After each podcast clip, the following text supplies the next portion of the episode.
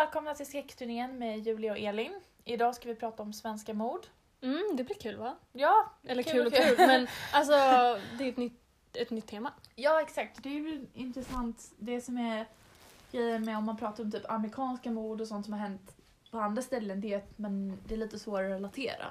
Men just i Sverige det kan ju vara sådana här mord som vi kommer ihåg när det hände Mm. och som vi kan relatera till mycket mer för att det hände väldigt nära oss och då är det lite mer obehagligt. Typ. Mm. Eh, Precis. Och jag inte, man har den här bilden av att svenskar är så himla oskyldiga och det så här snälla och men det finns ju jävligt mycket psykopater här också. Oh, så att, ja. Men tänk sig, det är ändå det är så litet land.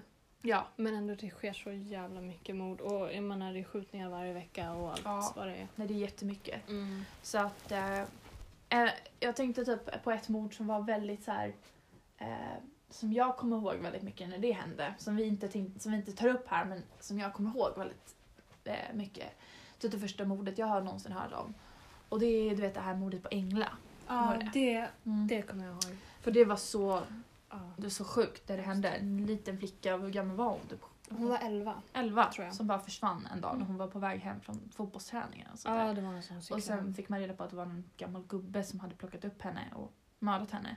Våldtaget tror jag också va? Ja, våldtagit henne Mm. också. Samma sak med du vet, Lisa Holm Ja, när det hände. vidrigt. Mm. Jätteung, söt tjej Mm. som på väg hem från jobbet blev tagen av något jävla äckligt peddo. Mm. Som liksom... Mm. Usch, skitäckligt. Om ni vill så, om ni vill att vi ska typ så prata om de fallen så får ni jättegärna, jättegärna säga till. Ja, ni kan kommentera på posten Mm. som vi lägger upp om det här avsnittet. Yes. Eh, men idag ska vi prata om svenska mord som sagt och vi ska ta upp lite mer ett aktuellt, alltså som hände för ganska, inte så länge, lång tid. Inte så länge sedan. Eh, och sen två som är lite äldre, eller hur? Den, Ja. den är inte jättegammal, Nej. men min är ganska gammal. Ja, för det var 80-talet Ja, eller? jag måste dubbelkolla här. Uh, nej gud, det 69. Var, ja, ända 69, det var väldigt länge det var länge sedan. Eh, men Men du börjar med ditt uh, första. ja, det Morden som, inte är hände aktuellt. Precis, det hände i Göteborg 2017 i december. Och det var en man som hette Magnus Natschki som var 36 år gammal som blev mördad väldigt brutalt med en yxa. Och det här mordet är väldigt, väldigt omtalat och mycket skrivet om på grund av eh, hur, ja, men hur brutalt det var och hur det skedde. För att det var väldigt, väldigt mycket oklarheter om vad som hände. Och Magnus Natschki var i alla fall en, en eh, ung kille som bodde i Göteborg. En, eh, ja, men en vanlig kille liksom. Och han bodde typ tillsammans, eller som rum, rumskompis med en kille som hette Felix Rosell Nyberg. Och de båda pluggade tror jag att det var. Eh, Felix pluggade teater. Och tidigt på morgonen, då är det här jag tagit från Youtube, det är Felix liksom när han sitter i rättegången när han förklarar om vad som hände. Och jag har lyssnat på alla deras, så att det är en annan kille som var med också som hette Emanuel som jag ska ta upp vad han sa också. Men jag börjar med eh, Felix.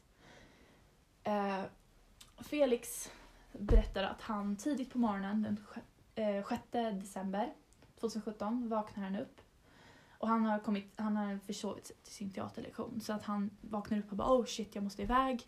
Ja, exakt. Försovit. Men jag säger det som att det här har hänt nu. Ja. Men vi kan diskutera mer om det har Ja, ja, ja, sen. precis. Eh, Men så här berättar han i alla fall att det hände. Han är nyvaken och han börjar ta sig upp i sängen och göra sig i ordning för skolan. Och då hör han hur det knackar på dörren och Magnus öppnar dörren och sen plötsligt så säger han så här upp till Felix då. Ja, det är ett par killar här som vill slå mig. Liksom. Och alltså Felix är ju nyvaken så han fattar inte riktigt vad som händer. Och de som är där är eh, en kille som heter Emanuel Etcheterry Malan. Och de andra två tilltalade som heter Peter och Tobias, så de har ju inga efternamn släppts. Jag vet inte ens om det är deras riktiga namn, Mm. men de har i alla fall släppts. Och eh, då tas Felix, de här grabbarna är ganska aggressiva. De tar upp Felix och Magnus till köket och de spänner fast dem i stolar, köksstolar. Och sen så förklarar de då, eh, Felix säger att det är ganska, han förstår inte riktigt vad som hände men de säger i alla fall att Magnus är skyldig dem pengar. Och att, då, att Magnus har gjort någonting. Liksom. Men Felix säger att han är rätt säker på att Magnus inte har gjort det här. Att han är oskyldig. Och de, Magnus är väldigt högljudd, han liksom skriker och han försöker, du vet så här, han försöker få någon att lyssna typ, vad som händer, han försöker liksom ta sig ur den här situationen. Och då hotar de honom om, om han inte är tyst så får han en sax i benet och varmt socker hällt över sig. Aj. Och han är ju inte tyst. Eh, så att de, de sätter, enligt eh, Felix så sätter de saxen i hans ben. Och han fortsätter skrika så de sätter tejp över hans mun och han fortsätter ändå skrika och hans hund blir jätteorolig så de stänger in hunden i ett annat rum och man hör liksom hur hunden ylar under hela den här konversationen. Och de här männen är även beväpnade, eller beväpnade med pistoler. Uh, och i efterhand så säger polisen också att motivet till brottet är väldigt oklart men polisen, eller polisen tror att det handlar om pengar. Um, alltså att det var typ av rån. Liksom. Um, och uh, Emanuel i sitt testamente, eller i sin rättegång, så säger han typ att han var på någon fest och kvällen innan då. Och sen så vaknar han upp och sen ska de typ åka till under natten så åker han hem, byter om och sen ska de åka till Amsterdam dagen efter. Och han påstår då typ att han inte har varit med om det här alls. Han vet inte vad det här är för någonting. Han, liksom, han, han har inte varit med. Han har i alla fall inte varit våldsam. Liksom. Nej. Så att eh, det, och det är väldigt oklart för de säger emot varandra väldigt mycket. Så Felix historia hör inte ihop med Armanus så att man vet inte riktigt vad som har hänt. Men det som händer i alla fall är att de tar ut Magnus i ett skogsområde. Eh, så de har misshandlat honom väldigt grovt. Förnedrat honom på olika sätt. De har tvingat, de har tvingat i honom massa alkohol och sömnmedel så att han är ju helt drogad liksom. Mm. Och så tar de ut honom till en kolonistuga i Angered. Och det är den här stugan som Emanuel då påstår att de har varit och festat i kvällen innan. Mhm. Jag vet inte vem den ägdes av, men någon av de här grabbarna i alla fall. Förlåt, förlåt om jag avbryter. Men Mm. var det inte någon som var med som hette typ Joker? Någon som kallade sig för Joker? Jo, mycket möjligt. Jag tar upp sen vilka som blir dömda. Ah. Fast Mm. de har inte släppt namn på alla. Nej. Så det kan ju vara någon av de här personerna. Ja. Liksom. Men eh, i, i alla fall.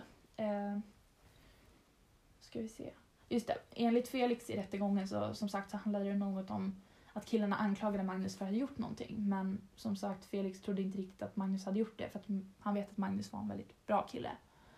Eh, men då sa Peter att det spelar ingen roll om han har gjort det eller inte för han ska dö ändå. Eh, så att i alla fall.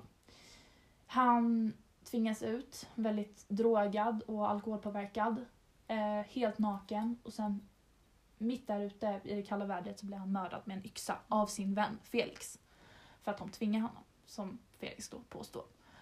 Och det är väldigt oklart då, för att det finns ju eh, vissa som påstår att Felix inte blev tvingad och att han faktiskt hade ett val. Som du sa förut också, att han hade kanske till exempel flera tillfällen att springa därifrån också Mm. och inte vara med på det här längre.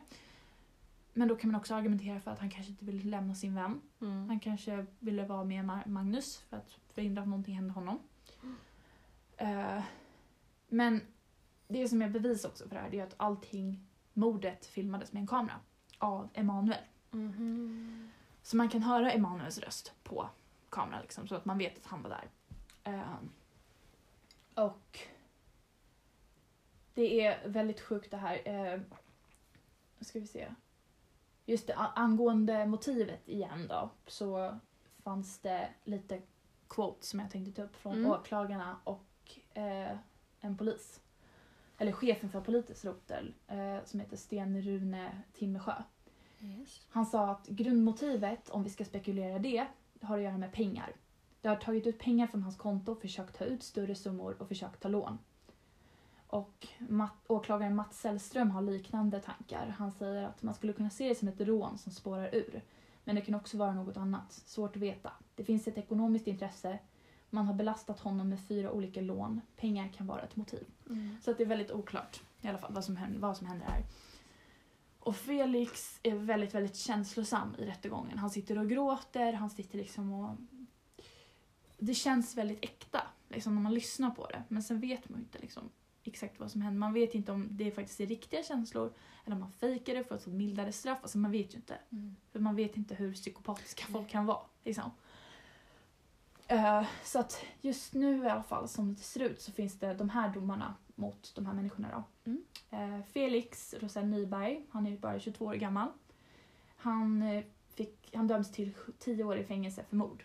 Men först så yrkade de på 17, mord, eller 17 år. Och även Magnus mamma tycker att det här är sjukt hemskt. Att de har fått så här lite år för ett sånt här grovt brott. Och du ska bara höra de andra, alltså det är sjukt. Åh, nej, det vill Ja. jag inte ens göra. Emanuel Echeverry Malan. Han är bara 20 år när det här hände. Nu är han ju äldre. Men han eh, sitter i fängelse för mord, rån och människorov eh, i 12 år. Och eh, han är under 21 så han kan inte dömas till livstid. Men det var det åklagaren egentligen yrkade på, att han skulle sitta i livstid. Mhm. Tänkte att den här människan kommer vara ute igen om 12 år. Kanske tidigare på grund av att svenska Mm. lagarna ser ut, att villkorlig frigivning och sånt där. Det är lite läskigt. Det är väldigt läskigt. Eh, en man i 35-årsåldern döms till sex års fängelse för grov misshandel, människorov och rån. En man i 20-årsåldern döms till fängelse i två år och tio månader för bland annat rån och människorov. What? Eh, en man, alltså det här är folk som, är, som man tror är medverkande i det här i alla fall. Då. En man i 40-årsåldern döms till fängelse i sex månader för ringa narkotikabrott och grov smuggling, smuggling men frias från misstankarna om medhjälp till olaga frihetsberövande och grovt skyddande av brottsling. Ehm, om jag får inflika. Mm. Den här sista du sa, den 40-åringen. Jag tror det är han som typ skulle vara joker. Det är mycket Att möjligt. det var han som typ satt och väntade i den här stugan. Har jag hört. Ja. Nej, men det är mycket möjligt, absolut. Ja. Eh, och därför kanske det är svårare att alltså, få honom... Alltså man kanske vet att han har varit med, men det är Mm. svårare att få till honom liksom i, att få något bevis på att han har varit där. Mm. Också om de var tysta under filminspelningen så kan man inte höra deras röster. Alltså Manuel var typ den enda man kan höra och Felix tror jag man kan se. Okej. Men man kan inte höra de andra. Nej. Och därför är det liksom väldigt svårt att veta. Men som du upplyste mig också, det här med hur Felix erkände. För att han eh, blev ju kidnappad och de åkte iväg till Tyskland. Och som Emanuel hade sagt så hade de ju planer att åka till Amsterdam. Så de kanske skulle åka till Amsterdam Mm. genom Tyskland eller någonting. Och då lyckades ju Felix hoppa ut ur bilen och springa till polisen och erkänna det här mordet. Eh, och han, han, som sagt, han fick ju... Eh, åklagaren yrkade på 17 år men han ville ju överklaga det här på grund av att han säger att han gjorde det här tvång. Han blev tvingad till att mörda sin bästa vän. Så han ska ju inte få fängelse för det här. Mm. I alla fall inte så grovt fängelsetid som han har fått. Eh, och han har ju fått en av de, typ det näst mildaste straffet. Eh, eller vad säger jag, det näst grovsta. Äh, grövsta. Så att Emanuel som är två år yngre har ju fått ett högre straff. Vilket jag tycker är bra för att han verkar vara den som anstiftade det mest. Mm. verkar det som. Mm. Men Felix gjorde det här. Han, det var ju han som gjorde de dödande slagen. Exakt. Och det är det man, det är sånt här typ av mord, man skulle ju typ vilja vara med eller kunna du vet, ha sett vad som hände. För att det är så Mm. mycket så här frågetecken runt det här. Vad var det som hände? Vad hände den kvällen? Liksom? Hur blev Magnus dödad? Vem var det som dödade honom? Och varför? Mm.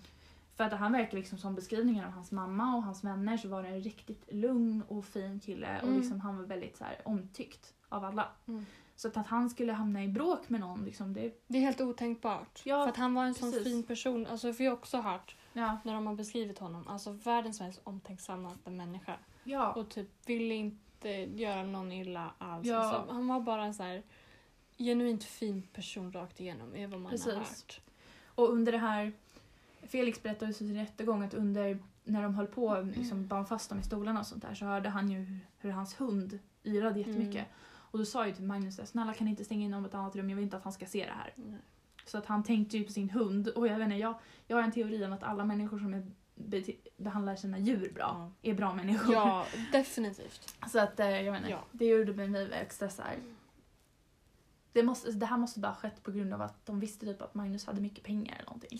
Och ville utnyttja honom. Mm. Så att jag tror inte att... De ville bara ha typ en anledning inom citattecken Ja, att döda honom. Typ. exakt. Eller någonting. Och som sagt, vi vet inte exakt vad som har hänt men, Mm. men det, jag vet det känns bara som en väldigt, väldigt konstig händelse. Ja. Väldigt märklig. Så ja, Mm. det var det här. Eh, Mm. ska vi gå vidare till nästa kanske? Ja, det kan vi göra. Så ditt skedde ju också re- relativt nyligen. Ja, Ditt. det skedde 2013. Ehm, gjorde det, i, uppe i Norrbotten. Eh, min dator har hängt sig. Så, Ja men det funkar. eh, ja, uppe i Boden. Och det handlar om eh, 20-åriga Vatchereya Bangsuan. Hoppas att jag uttalar rätt nu. Ja det gjorde du säkert inte men. Eh, hon anmäls som försvunnen av sin mamma den 4 eh, maj 2013. Eh, senaste livstecknet från henne var ett Facebook-inlägg där hon har skrivit att hon skulle ut och jogga och sen plugga hos en kompis. Mm. Eh, och efter det så hörde ingen från henne igen. Kompisen hon skulle träffa och, som även var hennes ex-pojkvän heter Kristoffer Andersson. Eh, han plockade upp henne vid 16-tiden och har hävdat i rättegångar att eh, Vatchareeya lämnade hans lägenhet vid 21-tiden. Eh, vilket ett vittne också kan intyga som tycks sig ha sett någon som liknar Vatchareeya eh, komma gåendes. Eh, och när man tittar på hennes telefon eh, så såg man då att någon hade försökt ringa 112 men då rickat tryck på stjärna istället för den gröna telefonluren. Mm. Eh, vilket gjorde att samtalet inte gick fram. Eh, och det har även skickats en massa sms till eh, hennes, eh, eh, ja, hennes karatetränare Mm. eh, om att någon var, jag, någon var knäpp. Inom citattecken. Och den här tränaren har senare raderat de här smsen av någon anledning. Oklart. Va? Ja, jättemärkligt. Eh, och eh, vittnet där och grannar har även hört skrik runt 21-22-tiden. Och det här tycker jag är så märkligt. Alltså grannar till pojkvännen? Ja, som bodde där i lägenhetshuset där. Mm. Ehm, och eh, men de har liksom hört skrik. Eh, men vad de säger då i tingsrätten är att nej, men det går inte med säkerhet att fastställa att det inte var eh, ljud från en film, Charlies änglar, som Mm. gick den dagen, den tiden. Jaha. Och det är så här, det kan ju ha varit filmen. Vänta, den från typ 2003 eller? Den Ja, 2000 eller 2003, någon av dem. Ehm, det är så här, sure, det kan vara en film de hör. Men eh, borde man inte vara lite orolig ändå? Även om man, just man tänker ändå tanken så här. Det jag hör skrik från min lägenhet, liksom från Ja. lägenheten bredvid. Man tycker att man borde ringa någon för att liksom i alla fall vara säker. Och du sen vet hur att- svenskar är. Ja, men alltså. Men när sen tingsrätten bara bortser från det. Så här, men det kan ju ha varit filmen. Och så går de inte vidare Men på det. seriöst. Ja, det, jag tycker det är jätteonödigt. Ehm, och, och så det finns det ens några bevis att tvn var på? Nej. Inte vad jag har hittat i alla fall. Ehm, ja, precis. Man ska helt enkelt ta sig det säkra för det osäkra och ringa 112 om man, om man är orolig att någonting händer i lägenheten bredvid. Absolut. Alltså, Varenda liten, alltså om Ja. det, man hör ett skrik, ring polisen. ja, för det, det kan vara någonting hemskt som händer. Ja. Och då är det bättre att polisen där upptäcker det än att... Än det är till och med bättre att polisen kommer dit och bara det var ingenting. Än Ja. att man ska sitta där och bara gud vad som hände. Alltså, Ja. Att någonting ska hända någon. Mm. Liksom. Det är, Ja, verkligen. Eh, men då hon är ju försvunnen då. Eh, men eh, Missing People hittar den 21 maj två ben i ett hus i en skog lite längre bort. Och det visar sig då tillhöra Vatchereya. Um, man två ben, alltså ett- två skelettben va? två människoben. Oh my God, alltså, Eh, man, ja, stycket. oh, oh. Eh, man hittar sedan flera kroppsdelar i skogen som tillhör henne. Eh, och när man senare undersöker Kristoffers lägenhet och bil hittar man spår av blod. Eh, och i badkaret och i bakluckan i hans bil. Där. Herregud. Eh, ja, man tycker ju att det här ska vara men, tillräckliga bevis eh, för att häkta honom. Vilket man gör den 23 maj. Eh, men han blånekar såklart. Eh, Vem skulle inte? Men han döms ändå i oktober till 14 års fängelse för mord. Men som sedan ändrades till dråp. Mm. Alltså det är då mycket lindrigare Nej. och mildare straff. Jo. Herregud. Jag förstår inte hur man tänker när man gör det. Men vad, det är ju jättemycket bevis. Det är Va? väldigt mycket bevis. Har polisen bara drop the ball? Eller liksom Mm. va? Man kan Ja. ju koppla honom till det här. Ja, precis. Och det, jag, jag förstår. Det, det är det här fallet som gör mig så jävla frustrerad. Alltså man har alla de här bevisen. Hon var sist hos honom. Det är Mm. massa blod i både hans lägenhet och i hans bil. Från henne. Men, men också så här, hur kan då någon ha sett henne utanför hans lägenhet? Det undrar jag också. Det är också väldigt märkligt. Det är jättemärkligt. Mm. Han kanske typ så här, hon kanske gick och sen åkte han efter och hämtade henne med bilen precis. eller någonting. Alltså, Men men vad är det med svenska mord och styckning? Jag vet inte. Det Vad är det för så psykopater? ofta det är stickningsmord. Ja, det, det är nästa mord här också är det massa styckningar. Ja. Jag fattar ju inte. Och typ som med ubåtsmordet. Mm. Åh gud. det- Med Kim ja, Wall. mm. Alltså... Ew! Ja, men det är fruktansvärt. Alltså, så det krävs så jävla mycket för att kunna stycka en kropp. Alltså Ja. för det första, det är sjukt jobbigt. Sjukt jobbigt. alltså, det är äckligt. äckligt. Alltså hur kan någon... Alltså det är fruktansvärt. Och liksom stackars människa. Att man Ja, van, alltså förnedrar någons kropp så ja, mycket. det är alltså, helt sjukt. helt... Och, och grejen är med det här mordet, det är att han har ju aldrig erkänt någonting. Mm. Eh, och sen, det har ju aldrig funnits något motiv heller till varför. De har liksom aldrig kunnat så här, fastställa något motiv eller något så här, alltså det skulle kunna vara så här. Det finns ingenting om det. Och sen, är det så, sen blir jag så irriterad när de lägger allt fokus på Kristoffer. Mm. För sen, eh, ja, men liksom, i, i alla dokumentärartiklar så står det bara om, om honom och om hans känslor och, och liksom så, ja men vad tänkte du här? Åh, hur kände kände, du?" du? Ja. Ehm, och extra mycket fokus, som att han inte hade det innan, så fick han också när han bestämde sig för att göra könsbyte i eh, fängelset. What? Eh, Så det står liksom så, här, så fort man söker på Boden-mordet så kommer det upp artiklar då så här, åh, Kristoffer blir Ann-Marie. What? Nej, Kim-Marie var det. Ja. Det är såhär, åh, han byter kön. Alltså, Va? varför ska de ge så, honom så jävla mycket, eller henne nu blir det väl, eh, fokus och uppmärksamhet? Jag förstår verkligen inte det. Det är så förnedrande mot Batsheri. Ja, och också mot alltså, transmänniskor. Ja, det med. Alltså så här, va, ja, en, en serie, alltså, en- eller en fucking brutal mördare mm. Blir, alltså som styckar din kropp, om han nu har gjort det, Ja, vilket det verkar som att han har gjort det det. pekar ju mot Att han byter kön, varför skulle de ens lägga uppmärksamhet på det? Ja. Alltså, han är ingen viktig Nej. människa inom den rörelsen. Nej. Och, och, så, och det var någon dokumentär jag såg om det här.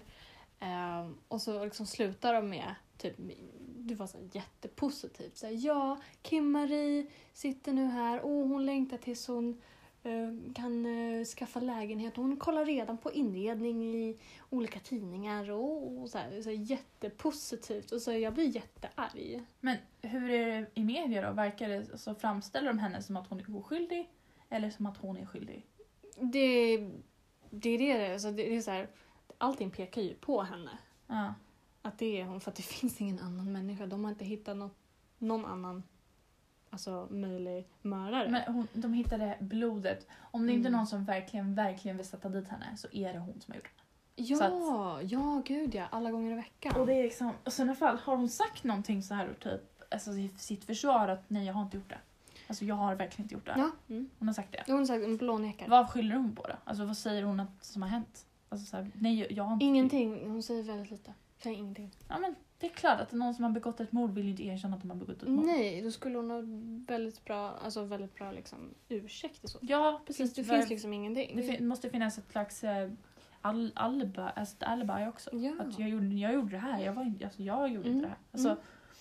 nej gud. Nej. Stackars tjej. Det är hemskt och det är det, liksom, det står ingenting om vem Bachereya var. Eller liksom, hon får liksom ingen fokus, hon är bara ett offer. Ja. Och så här, skjuts undan medan Kim-Marie får all uppmärksamhet. Och jag tycker det är så orättvist och det är så fel. ja det är skit. Alltså, det är samma sak som med det här med, med eh, Magnus. Mm. Att de... Alltså, det är hans vänner som har beskrivit honom som en väldigt bra person och sånt där. Men de lägger så lite fokus på Magnus i allt det här. Utan allt fokus Mm. ligger bara på Felix. Ja. Och hur synd om honom. Mm. Och liksom... Just, alltså nej, tycker Mm. det är så... Liksom, han var ju en människa och det har hänt någonting väldigt hemskt med honom. Precis som det hände med Batcheria och då tycker jag de ska lägga mycket mer fokus på vem de var. Och så här, ja, att, liksom hedra på något sätt. Ja, att så här, precis. och verkligen så visa människor det, det här var den här. och Liksom, verkligen lyfta fram personer som var viktiga i deras liv. Att de får Ja. berätta hur hon var och liksom... de glöms ju bort. Liksom. Ja, och du, tänk stackars dem när de sitter, liksom, deras dotter blir dödad och så får de se liksom hur han lyfts upp i media, eller hon lyfts Mm. upp i media och liksom hyllas och Mm. pratas om. Att hon liksom, Mm. Varje gång de ser hennes na- liksom namnet så kommer de behöva påminnas om det som hände deras dotter. Det är ju hemskt. Mm. Det är Samma sak med, med Magnus. Liksom. Det, där, det här var ju he- över hela social media när det hände. Mm. Och att då hans stackars mamma ska sitta där och lyssna på, Mm. på nyheterna om allt det här med Felix och Mm. hur synd det om honom. Och liksom, hon bryr sig inte om vad han... Alltså hon vet bara att han gjorde det här och att hennes son är död. Det är allt liksom hon bryr sig om. Så att det är så respektlöst. Det är väldigt respektlöst. Ja. Men... Eh, ja. Eh, jag ska bara gå vidare med mitt. Ja, Eh, mord. Men vi kan ta lite paus först. Ta lite paus.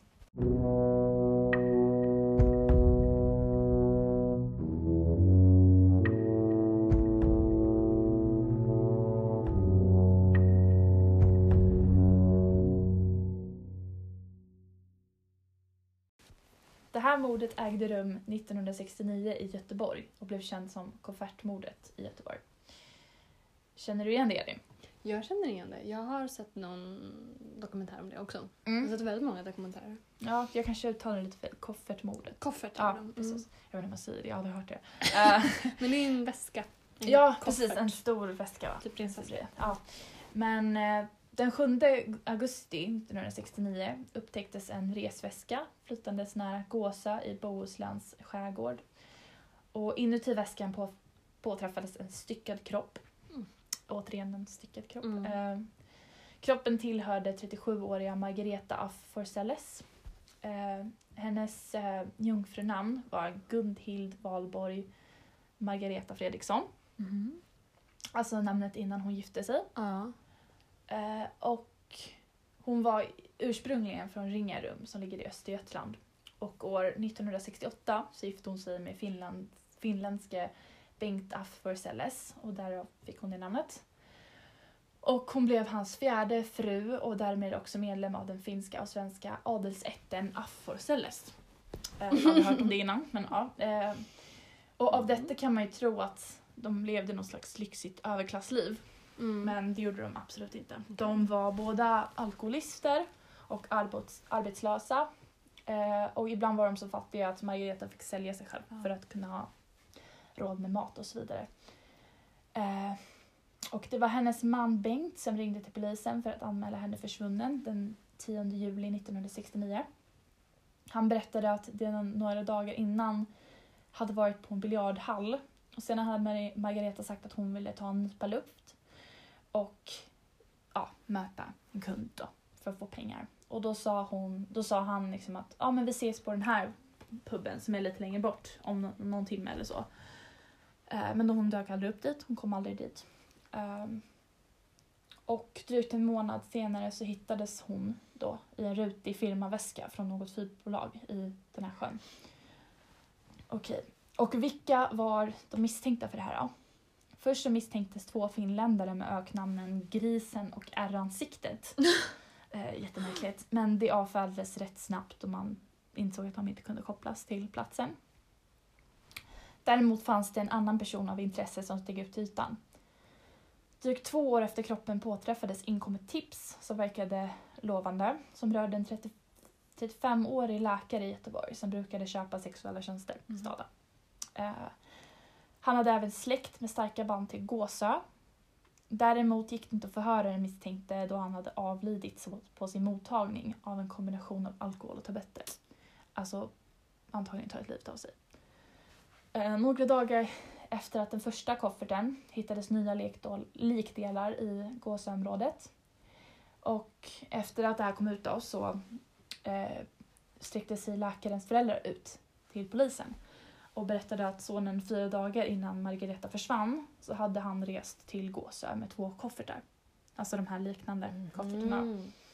Föräldrarna hade blivit oroliga när de hörde att det var, hon hittades i en sån här koffert och uppmanade sonen att gå till polisen. Eh, och det gick som sagt inte att förhöra läkaren men polisen fick kontakt via liksom, antagligen tidningen och sådär. Hade de fått kontakt med en Stockholmskollega till den här läkaren då. Som, eh, ska vi se, som var ett besök på, i Göteborg eh, natten mellan den 6 och 7 juli. Så att, eh, och det var den tiden Margareta försvann, när de var på den här puben. Eh, så att han vittnade att Margareta hade befunnit sig i Göteborgsläkarens lägenhet. Och han sa också att han hade mördat henne. Göteborgsläkaren ska ha, eh, ha ringt och erkänt för Stockholmskollegan att han har styckat hennes kropp efter i badkaret. Och Göteborgsläkarens fru som under den här tiden hade varit bortrest berättade att hennes man hade berättat att han hade haft en död kvinna hos sig. What the fuck? Alltså antagligen när hon kom hem. Ja. Eh, Den 28 januari 1972 lades fallet ner och det har aldrig klarlagts exakt vad som hände Margareta. Men det som lades till i förundersökningen var att Stockholmskollegan kan ha varit närvarande och involverad i mordet. Men Mm. på grund av att han erkände och du vet den här kollegan var död så att de kunde inte förhöra honom. Eh, och eftersom att han visste så här mycket men du vet, ändå höll in det ganska länge så trodde Mm. man att han kunde vara kopplad till mordet. Liksom. Och han Okej. ville erkänna för att inte ha någon skuld i det. Så det är vad man tror. Liksom. Okej. Eh, och det var typ allt jag kunde hitta. Jag hittade på Svenska mord, den Ja. hemsidan. Eh, och det här är rätt sjukt. Ja. För också, du vet, eh, det finns ju preskriptionslagar om när fall kan läggas ner. Och det är ju mellan, liksom, 20, vad är det, mellan 15 till 25 år. Som liksom, om, det, om man inte har löst det under den tiden så läggs det ner. Men den här lagen ändrades ju 2010. Och eftersom att den ändrades 2010 så att fall som sker, skedde innan 1985, om de inte löser sig efter 25 år så läggs de ner. Helt, Helt och hållet. helt och hållet. Då kan de inte öppnas igen? Jo, det kan de. Ja. Absolut. Men jag tror att det krävs väldigt mycket bevis i sådana fall. Okej. Eh, medans eh, fall, alltså brott som sker efter 85, de är öppna för alltid. De, kom, de kan alltid läggas till. Liksom. Så att, eh, jag tror att det är mycket, mycket svårare att lägga till ett nedfallsfall om man, om man ens kan göra det. Jag är inte säker på det. Men det är det som är så hemskt med det här. Att eh, också på grund av att hon var liksom inte så respekterad på grund av sin alkoholism och att hon var en prostituerad så lägger man inte ner så mycket krut på liksom, det Mm. här. Och också att han var död så det gick inte att försöka förhöra honom. Mm. Eh, men jag tycker att det är rätt klart om vad som hände. Hon var prostituerad, hon Mm. kom in i Göteborgsläkaren. Men varför en läkare skulle döda henne och stycka henne. Någonting måste ju ha hänt alltså, där uppe. Alltså Ja. där hon, när hon var med honom där. Precis, någonting måste ha hänt. Någonting måste ha hänt. Antingen typ, jag vet inte. Det känns, alltså, det kan ju ha varit en olycka. Men varför Precis. skulle man då liksom gå vidare och försöka dölja det och stycka kroppen? Han kanske freakade ut. Och Som man gör. han är läkare så han vet ju hur man styckar en kropp. True. Och sen han tog livet av sig så han kanske mådde för Mm. dåligt av det. Ja. Att han inte kunde... Ja men precis. För det tycker inte jag att de klargör jättebra i texten. Att om faktiskt han, du vet, ringde sin kollega och bara "Gud, jag har stickat en kropp. Mm. Eller om han var så här, ja jag stickat en kropp. Alltså Ja. hur han erkände. Nej, för men det spelar ju precis. ganska stor roll. ja, ja. ja. Om han liksom var så här, "Eh, jag har gjort någonting hemskt. Eller om han var så här, jag har stickat kropp.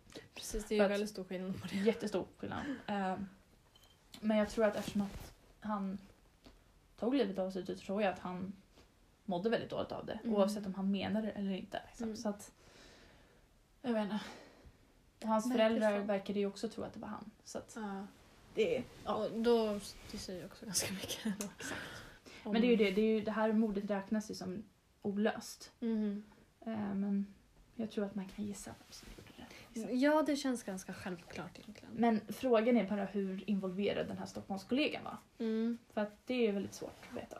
Så, ehm, Men det är ju som du säger, de lägger inte lika mycket krut på att lösa ett fall om offret råkar vara prostituerad eller någon som inte anses vara lika högt upp i samhällsskalan. det finns det massa exempel på. Mm. Så att, eh, Vilket är jättehemskt för att då är det verkligen att nej, alla är inte lika mycket värda. ja, exakt. Ja. Men det här mordet är ganska likt ehm, ett annat mord som hände som en, det Costa-fallet. Mm. Det, var en kvinna som också, jag tror hon också var prostituerad, Mm. eh, som blev styckad i, i ehm, typ plastpåsar. Ja. Och så lämnades hon någonstans, det var i Stockholm, tror jag. Mm, det var det. Ja, eh, och där var det ju två misstänkta, det var ju en obducent och en läkare. Mm. Och sådär. Och då, men det som gjorde att det var så här, du vet, de, de blev ju förföljda, de förlorade sina licenser och var läkare och sen kom det ut typ att de inte hade gjort det. Och också det som tydde på att de inte hade gjort det var att hon var väldigt så här, du vet, slarvigt styckad om man säger så. Och de båda var läkare med utbildning hur man du vet, styckar en kropp efter obdu- obduktion. Så att de ska ju liksom veta det. Typ. Mm. Men då kan de ju typ ha gjort det slarvigt bara för att inte bli misstänkta. Ja, Kan exakt. Mm. Det så kan man ju påstå också. Men Mm. de blev i alla fall frikända tror jag. Mm. Men de förlorade sina läkarlicenser. Så att Mhm. jag vet inte riktigt exakt vad som hände med dem. Men det var mycket kontroversiell, alltså kontroverst gällande det. Att det var många som, vissa trodde att de hade gjort det, vissa trodde att de var oskyldiga. Så det var så. Okej. Och det löstes aldrig heller. Mm. och det, skedde, det mordet skedde faktiskt 1984.